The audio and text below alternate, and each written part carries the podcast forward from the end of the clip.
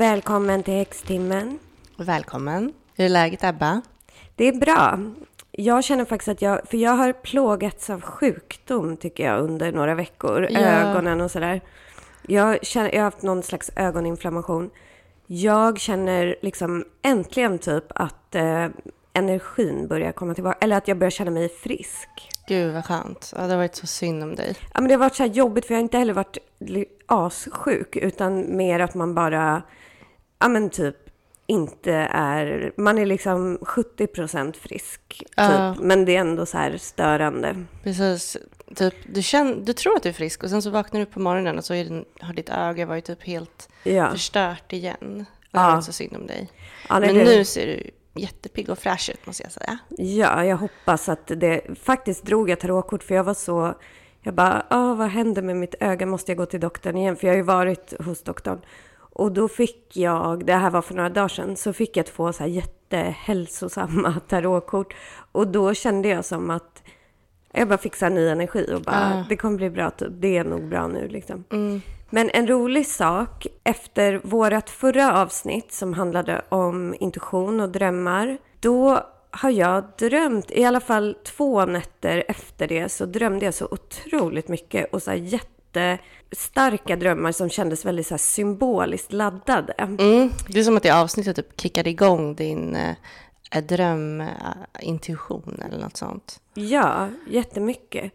Min dröm var att jag var i ett hus, inte något hus som jag bor i egentligen. Jag pratade med dig i telefon och det började regna ute. Och då så började en fågel, först såg det ut som bara liksom en typ svart fågel eller någonting, så här klättrade in genom mitt fönster. Alltså, Och jag stod och pratade med Läskigt. dig. Ja, och jag fick så här panik för jag bara, nej men jag kan inte ha en fågel här inne. Man vet ju hur stressigt det är att ha en fågel inomhus. Alltså att de Ja. flyger mot fönstren och sådär. verkligen. Men den klättrade in där och jag stod och pratade med dig och typ så här skrek i telefon bara ah nej den kommer in och så här visade för dig på Facetime hur fågeln såg ut och sådär. Men sen så bara går den runt och vecklar ut sig och så säger jag så bara men gud det är ju en påfågel. Och då var du och min mamma där i huset och jag sa liksom men är det en påfågel? Och ni var så här ja det är det men du måste ta ut den nu. Och sen så samtidigt kommer det in en panter för det var som att inga djur ville vara ute i regnet. Så jag skulle få ut både pantern och eh, påfågeln. Och pantern var så här... Udda par. Ja, men pantern var, jag kände liksom lite, den tyckte jättemycket om mig. Den strök sig mot mina ben och liksom ville vara med mig. Men jag kände lite så här osäkerhet, att man vet ändå att det är ett rovdjur.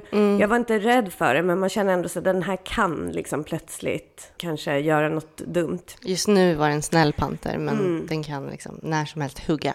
Ja, men lite den Mm. känslan. Och det är det jag tänker är viktigt i drömmar, att inte bara, för sen när man söker då så här, vad betyder panter i dröm? Då är det så här, det kan betyda det här, det här. Men det viktiga är ju också vad man känner för pantern. Så här. För pantern var ju när jag sökte en symbol för väldigt stark så här, feminin energi. Det kan vara farligt, men det beror just på hur man reagerar på pantern. Och i och med att jag tyckte om pantern och den tyckte om mig så verkar det vara en positiv dröm. Och påfågeln ska ju också vara positiv. Det jag blev lite nervös över var just att jag liksom ville få bort påfågeln.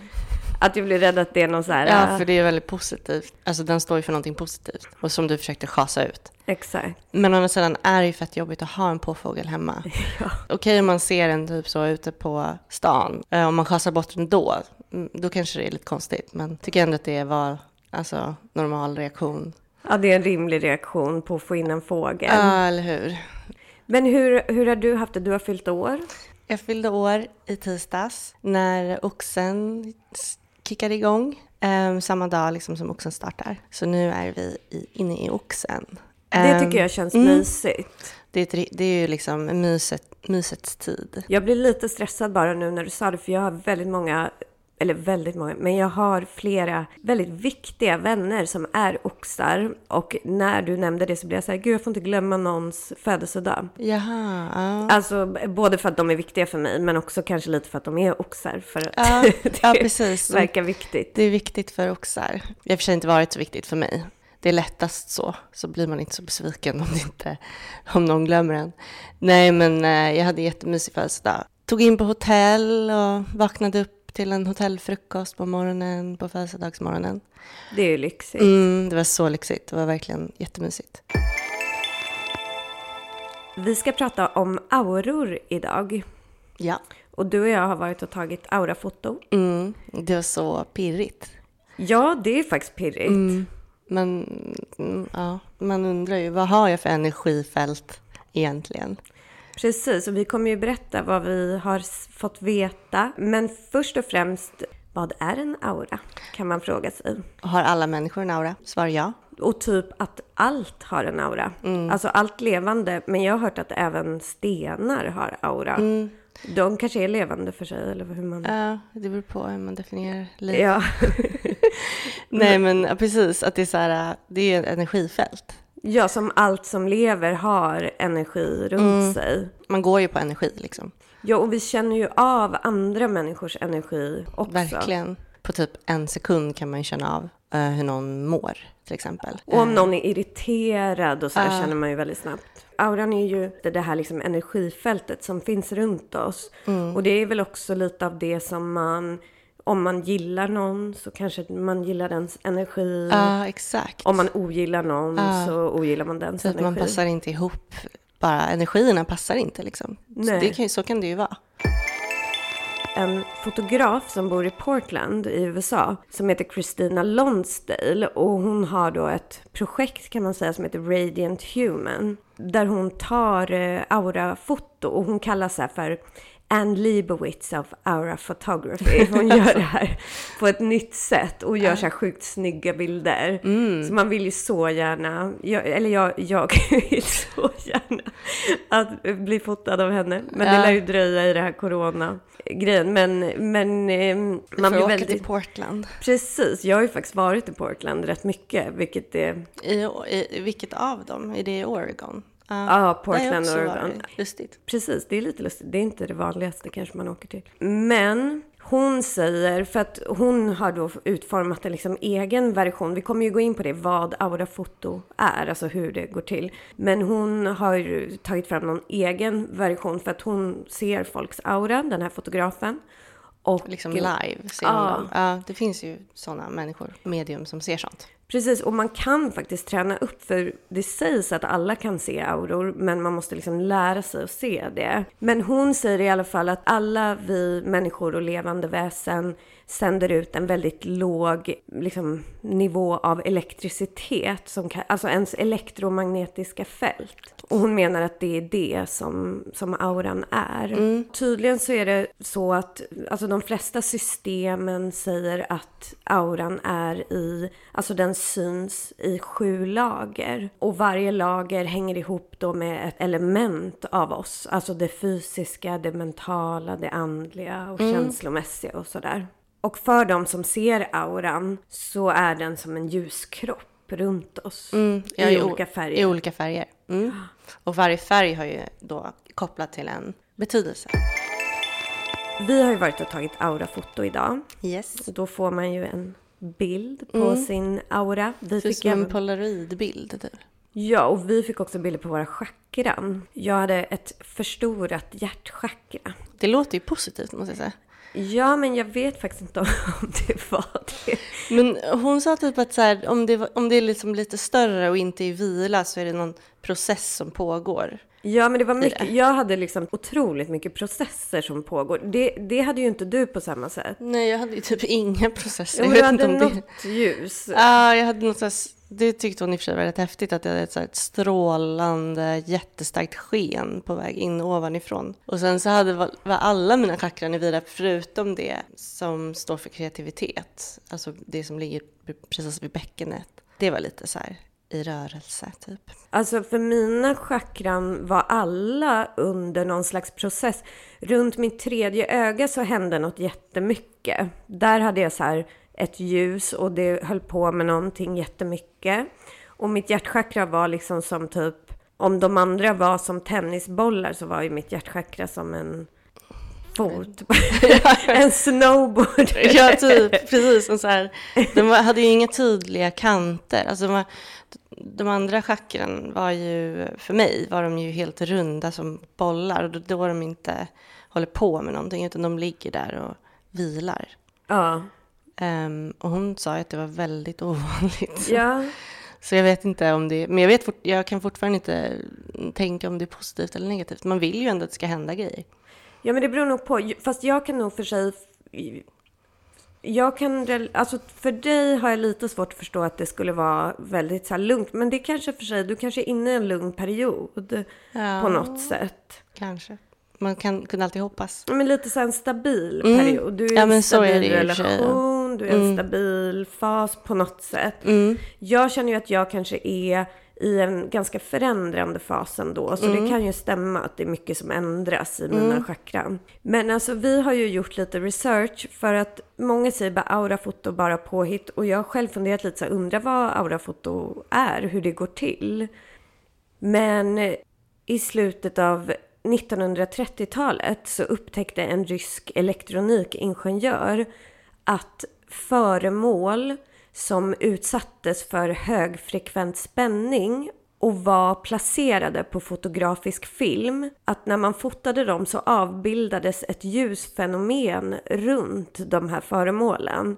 Och det tolkade han som att det var deras aura som avbildades. Så han presenterade den här metoden i slutet av 50-talet och den kallas då för Kirlian-fotografering efter hans namn. En kompis till oss, Elin Unnes, känd odlare och är väldigt intresserad av magi och så. Hon har gjort det på växter. Hon skriver ju fantastiska böcker som om man, det är mina favoritböcker. Ja, så de måste man kolla verkligen. in om man inte har gjort det. Mm, Läs alla. mycket magi. Fantastisk läsning även om man inte ens är särskilt intresserad. Ja, men hon har tagit så himla fina bilder i Mm. herbariet, tror jag det är, på växters aura då, med Mm. sån här ki- Kirlian-fotografering. Och det är ju mycket lila, är de aurorna. Men för att sån här Kirlian-fotografering är ju ganska avancerad. Det har kommit mycket enklare metoder som man kan göra och det är sånt som vi gjorde idag då. Eh, och det, det går till så att man placerar en eller två händer på någon så här plattor med någon elektromagnetisk grej. Och då ska liksom den känna av spänningen. Ens energifält ska liksom plockas upp av den här äh, plattan som man lägger handen på. Och sen är det en, en äh, kamera som är kopplad till något program som fotar av en helt enkelt. Precis, och det, det är ju sånt som finns på så här, spirituella butiker, ibland på mässor. Och Du hade tagit på någon så här Hilma af Klint-event en gång. Ja, exakt. När Moderna Museet hade sin Hilma af Klint-utställning. Och det var, det var typ åtta år sedan eller någonting. Då hade de aurafotografering där. Det passar ihop med hennes spirituella eh, teman. Vad hade du för färg då? Alltså det är det, jag kommer inte riktigt ihåg. Men jag hade flera olika färger, kommer jag ihåg. Men jag kollade liksom inte riktigt upp vad det betydde. Jag tyckte mest att det var en fin bild, typ. Men det var lite pirrigt när vi kom in där och skulle göra aura-fotograferingen idag. Och det var så kul för att jag, eh, jag kände så här, nu måste jag gissa innan vad, vad jag tror att Ebba har, kommer ha för aura. Eh, och jag gissade ju på lila för att jag hade liksom läst om vad de olika färgerna betyder och jag, tänkte, jag kände bara så här, det här är typ en beskrivning av Ebba. Precis som växter har lila aura. Din var ju väldigt klart, tydligt klart lila. Så det var kul. Ja, det var ju roligt. Ja. Men vet du en lustig sak? Att för typ, apropå Charlotta Benz, för kanske fem sex år sedan eller någonting så var hon och jag på middag och då tog hon ett kort på mig och då så, alltså med mobilen, men då bara blev det så här ett helt lila ljus runt mig på den bilden. Aha, så jag vet wow. inte om hon lyckades fånga min aura. Säkert. Jag kände mig väldigt eh, liksom smart som visste att jag hade rätt typ. Ja. Nej men ja, jag blev inte förvånad i alla fall. Din aura, den var ju orange. Ja, precis. Det är en gullig färg. Mm, en gullig färg. En glad, gullig, energifylld färg. Mm, exakt. Vi ska ju prata lite om vad, det, vad de olika färgerna betyder. Men orange är ju en färg som man får energi av. Det är ju kopplat till sakralchakrat. Precis, med kreativitetens chakra. Och det var också det i min chakra-foto som var ett separat, en separat bild. Då. Det var ju också det enda som var liksom, rörde på sig lite Ah, grann. ja, just det. De andra Ja. var ju vila och sen så var hela min aura orange. Alltså jag vet inte om jag hade gissat det. Eller jo, alltså det makes sense egentligen nu när det var på fotot. Men jag tycker du skulle ha kunnat vara typ kanske rosa i din aura. Mm. Eh, lite gulligt. Kanske grön också. Det är ju en sån här lite naturlig... Mm. Jordnära färg. Ja. Men rosa tycker jag kanske hade jag gissat. Men orange kanske inte är så långt från rosa. Ja men lila är ju så här, det är någon som är väldigt kul och intuitiv och typ eh, läser andras energier, väldigt empatisk person, men en, som ändå liksom sätter gränser och Um, och de är så kreativa och konstnärliga på något sätt. Och det behöver liksom inte vara att man typ tecknar, utan det kan vara att man gör en podd eller så. Men du tecknar ju också i och för sig. Men det är liksom att de vill vara kreativa med livet generellt. Alltså deras liv måste vara annorlunda eller se annorlunda ut än hur, hur det borde vara. Ja, Där känner man igen mig dig. Ja. Liksom allt egentligen. Det är oftast, alltså det finns en koppling till andlighet och eh, det jag läste också så här att om alla som har samma färg på sin aura är inte likadana, utan alla bär sin aura på olika sätt. Alltså en liknelse är typ en t-shirt, samma t-shirt sitter olika på olika personer och eh, utstrålar kanske olika saker också. Men det finns också olika nyanser på auror och om de är väldigt, väldigt mörka och tunga då är inte det så positivt. Men till exempel då, det är skönt att din lila aura inte var mörk, mörk, mörk lila. Mm, mm. För att det finns liksom de som har en mörk, mörk, mörk lila aura är liksom en person som typ är en stor förändring i sitt liv, men på ett ganska dåligt sätt. Typ så här, kanske tenderar att eh, liksom, är självdestruktiv, kanske sjuk mentalt eller ja, har olika självskadebeteenden och dåliga relationer kanske. Men att, och att typ alla som har en lila aura kanske någon gång har gått igenom den fasen. Men eh, den briserar väldigt starkt, som i en lila bomb. så liksom det är så här, det exploderar någonting som det finns no way back efter mm. det. Um, och det är väldigt så här, förlösande. Och det finns, jag läste om ett roligt exempel på det. Uh, det var den här, jag vet inte om du kommer ihåg det, men den här en uh, manlig flygvärdinna någonstans i typ USA som var jättetrött på sitt jobb. Eh, och så bara en dag så fick han till slut nog, alltså det rann över. Och bara nej, jag orkar inte med det här längre. Så det var, liksom, planet skulle, hade inte lyft än. Men då gick han in, liksom, tog två öl och så tryckte han på den här knappen så att den här rutschkanan vecklades ut. Som man liksom har om typ planet landar på vatten eller något. Och så, så gled han ner från, för den med de här ölen och typ så här ropade typ I quit. Alltså det är typ ett exempel på en, en lila bomb. Det finns liksom no way back efter det och det är väldigt så här, dramatiskt också. Ja, jo men sånt, alltså jag, jag har inte gjort det, men jag kan, jag kan ändå känna igen mig i det sättet att, för jag kan också bli sådär bara, nej nu, nu får vi det här att explodera för att man vet att annars tar det typ inte slut. Uh. Alltså man blir så här, det är i och för sig kanske kan vara lite destruktivt, men det blir så här som att man bara, om inte jag typ sätter eld på det här så kommer mm. det bara eh, fortsätta och fortsätta. Så uh, nu bara gör mala, jag så att, typ. ja, men så att det verkligen inte finns mm. någon väg att gå tillbaka mm. till det. Precis. Så att man förstör det. men det här, det, här, det här är liksom kopplat lite med lila aurade personer. Men ja. din aura är ju då orange. Mm, jätteorange. Men som tur var inte mörk orange.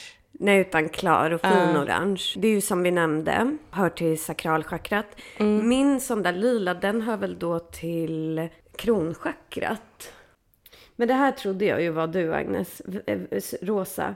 Rosa är barmhärtigheten, kärlekens och renhetens Glädje, tröst och en stark känsla av samhörighet. Ja. Det var ju fint. Låter... Älskar konst ja. och allt som är vackert.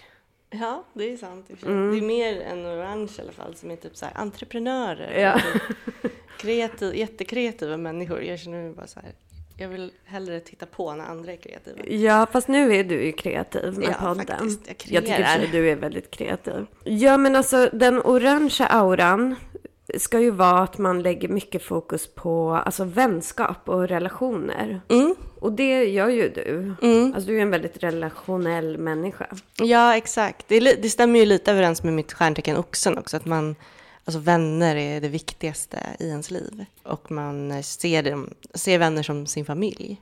Kanske lite på gränsen till att man blir lite besatt av dem. ja, men det är lite som att den lila faktiskt stämde in på Vattumannen Ja. på mitt tecken. Verkligen. Mm.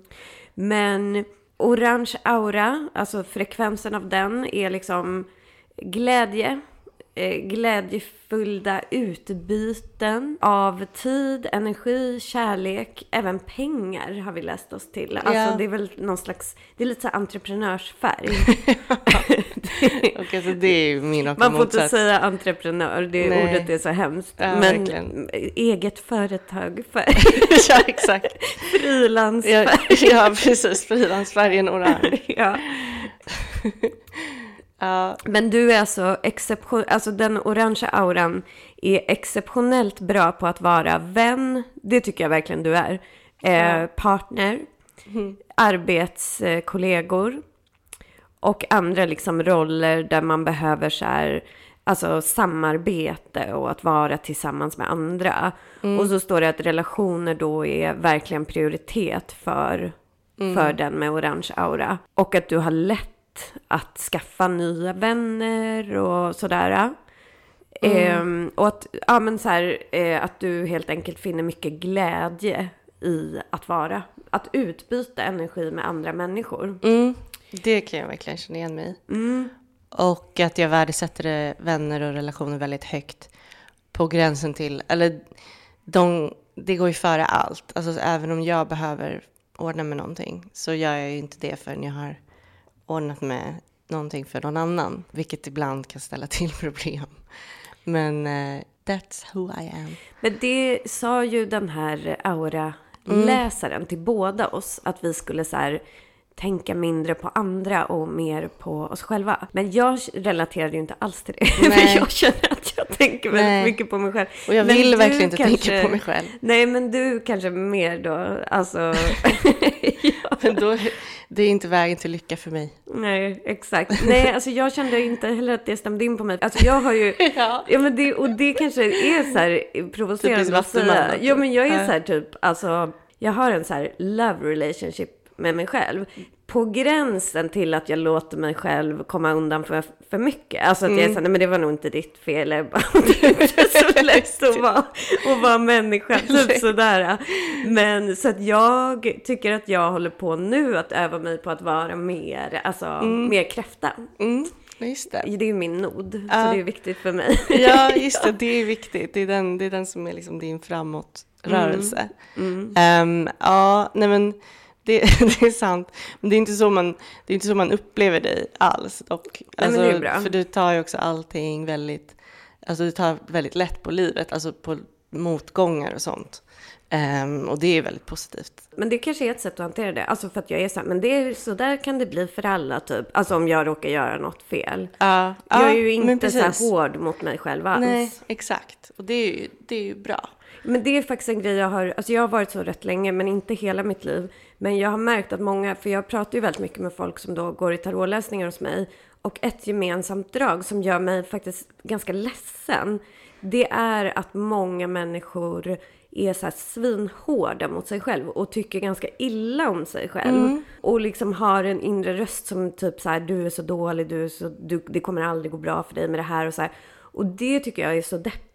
Så då är, alltså det hoppas jag att jag försöker få dem att använda korten då för att börja tänka på andra sätt eller liksom börja respektera sig själva mer. Men det känns som en viktig grej att för, ja, det är sorgligt att Ja. inte tycka om sig själv. Ja, jag, precis. Jag tror att det blir vanligare och vanligare. Och Mm. jag kan ju känna igen mig i det.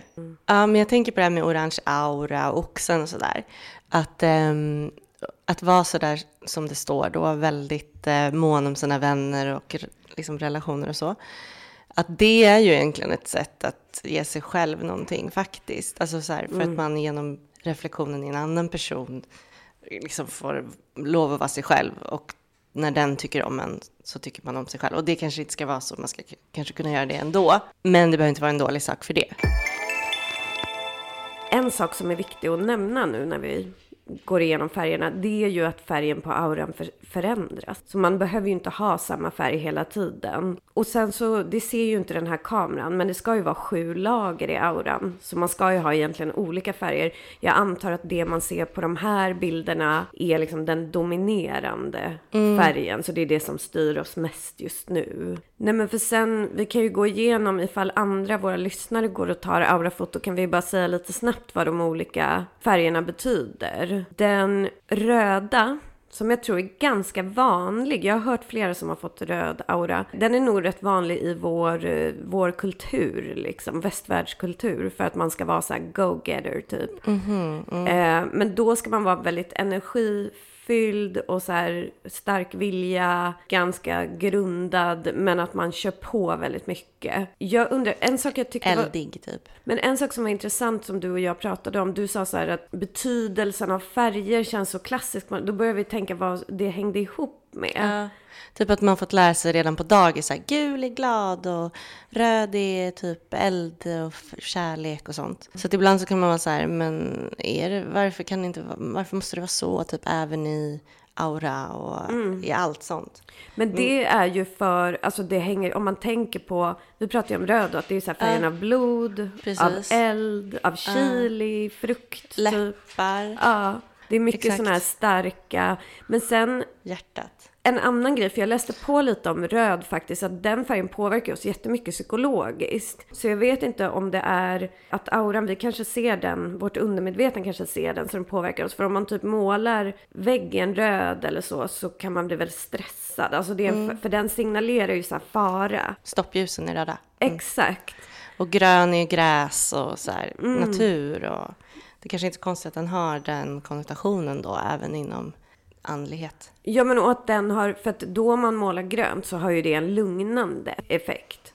Precis som, som att vara i skogen. Ja, och en grön aura ska ju vara att man är nära naturen, ganska social eh, och att man är bra på att kommunicera.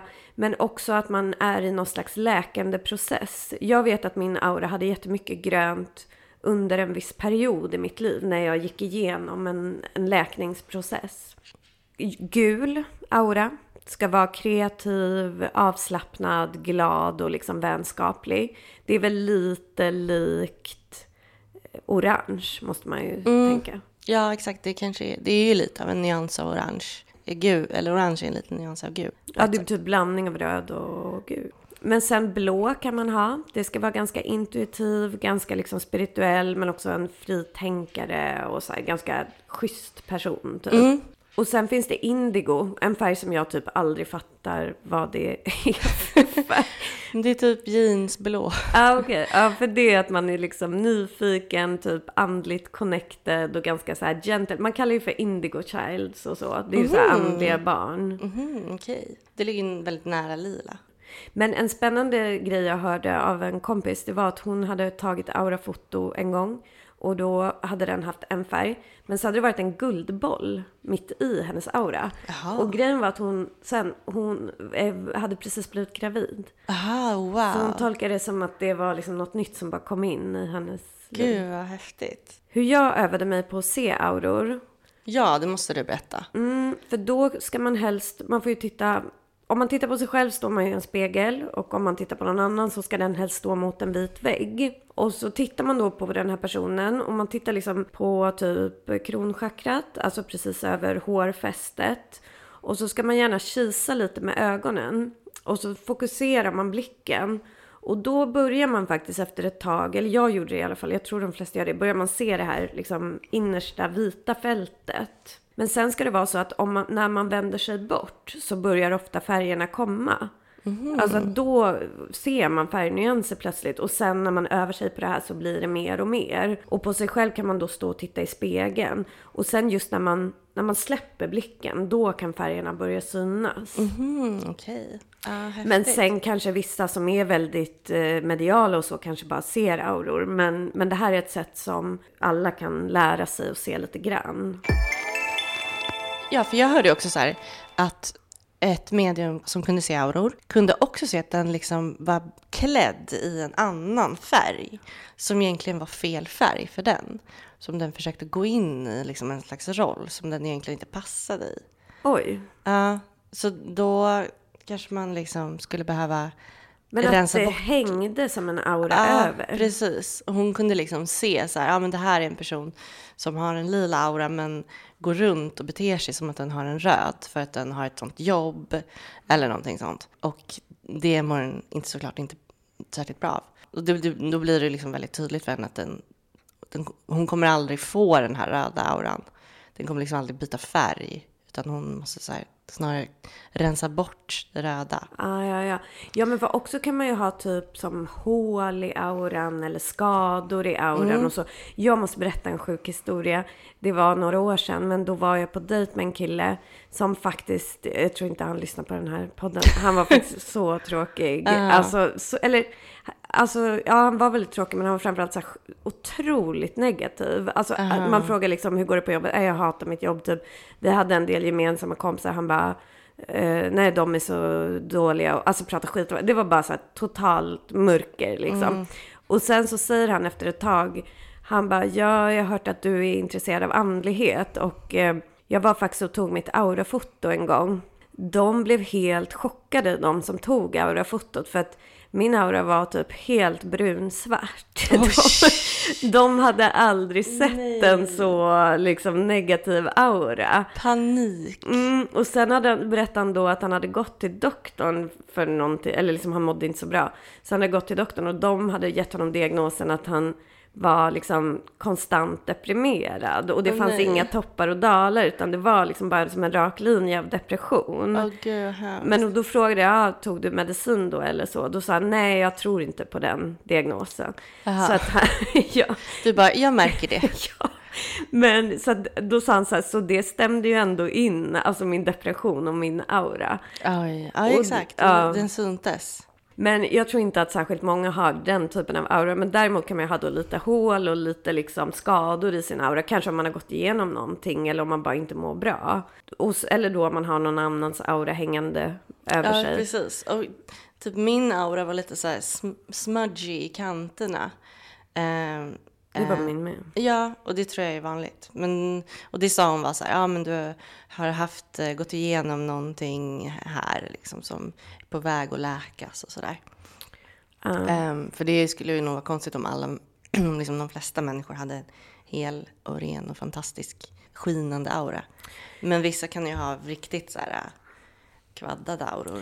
Ja, en grej jag kom på nu som jag hade som hon sa till mig var att det kom upp en grön grej vid mina fötter och det sa hon var så här kraft, att jag har fått kraft från Moder Jord. Det tyckte jag var lite härligt. Ah, jag wow. gör ju väldigt ofta så här jordningsmeditationer och då försöker man ju så här dra upp kraft från Moder Jord. Men det var ju härligt att, att jag har fått det. Det fun- har funkat. Ja. ja, men att stärka sin aura då, det kan man göra med meditation till exempel. Alltså, och att liksom jobba med sin mentala hälsa, för det är tydligen, det är ju det som, alltså vår emotionella, spirituella och mentala hälsa är ju vår aura.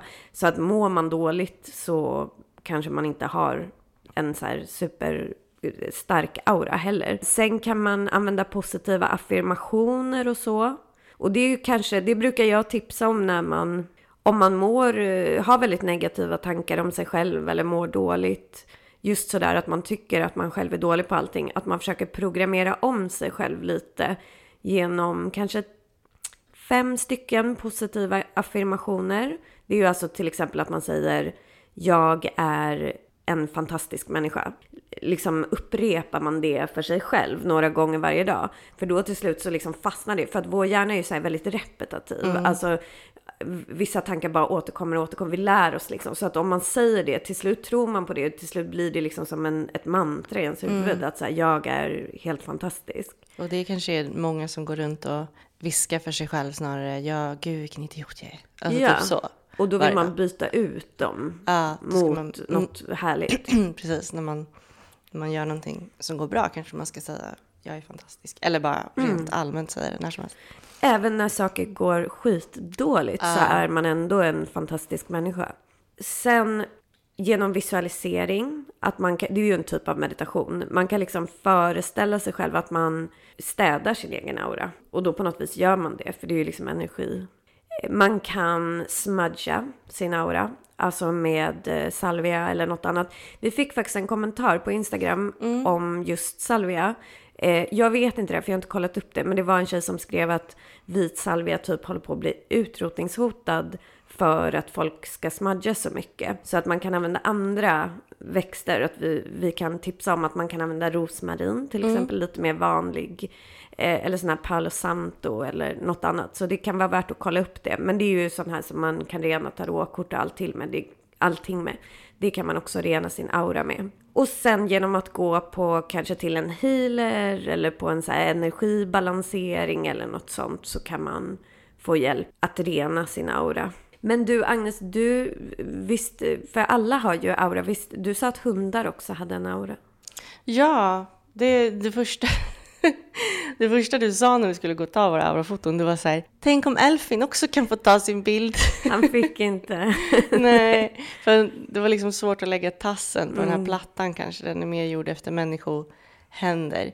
Nej, men jag kollade upp det om det inte går och då finns det ett ställe som var någonstans, nu har jag glömt, i USA i alla fall. Där Allt de har utvecklat, ja, precis, speciellt när man så ska utveckla någonting för sina husdjur. De har utvecklat en så här speciell teknik för att läsa hundars aura och då en speciell platta för deras tassar och, och det, eh, placering av deras chakran. Det är jättegulligt och sen så ja, funkar väl hundauror lite på ett annorlunda sätt än människoauror så då hade de också liksom utarbetat vad de olika betydelserna är för hundar och sådär. Men tydligen var gul och orange en väldigt vanlig färg, så glad och oh.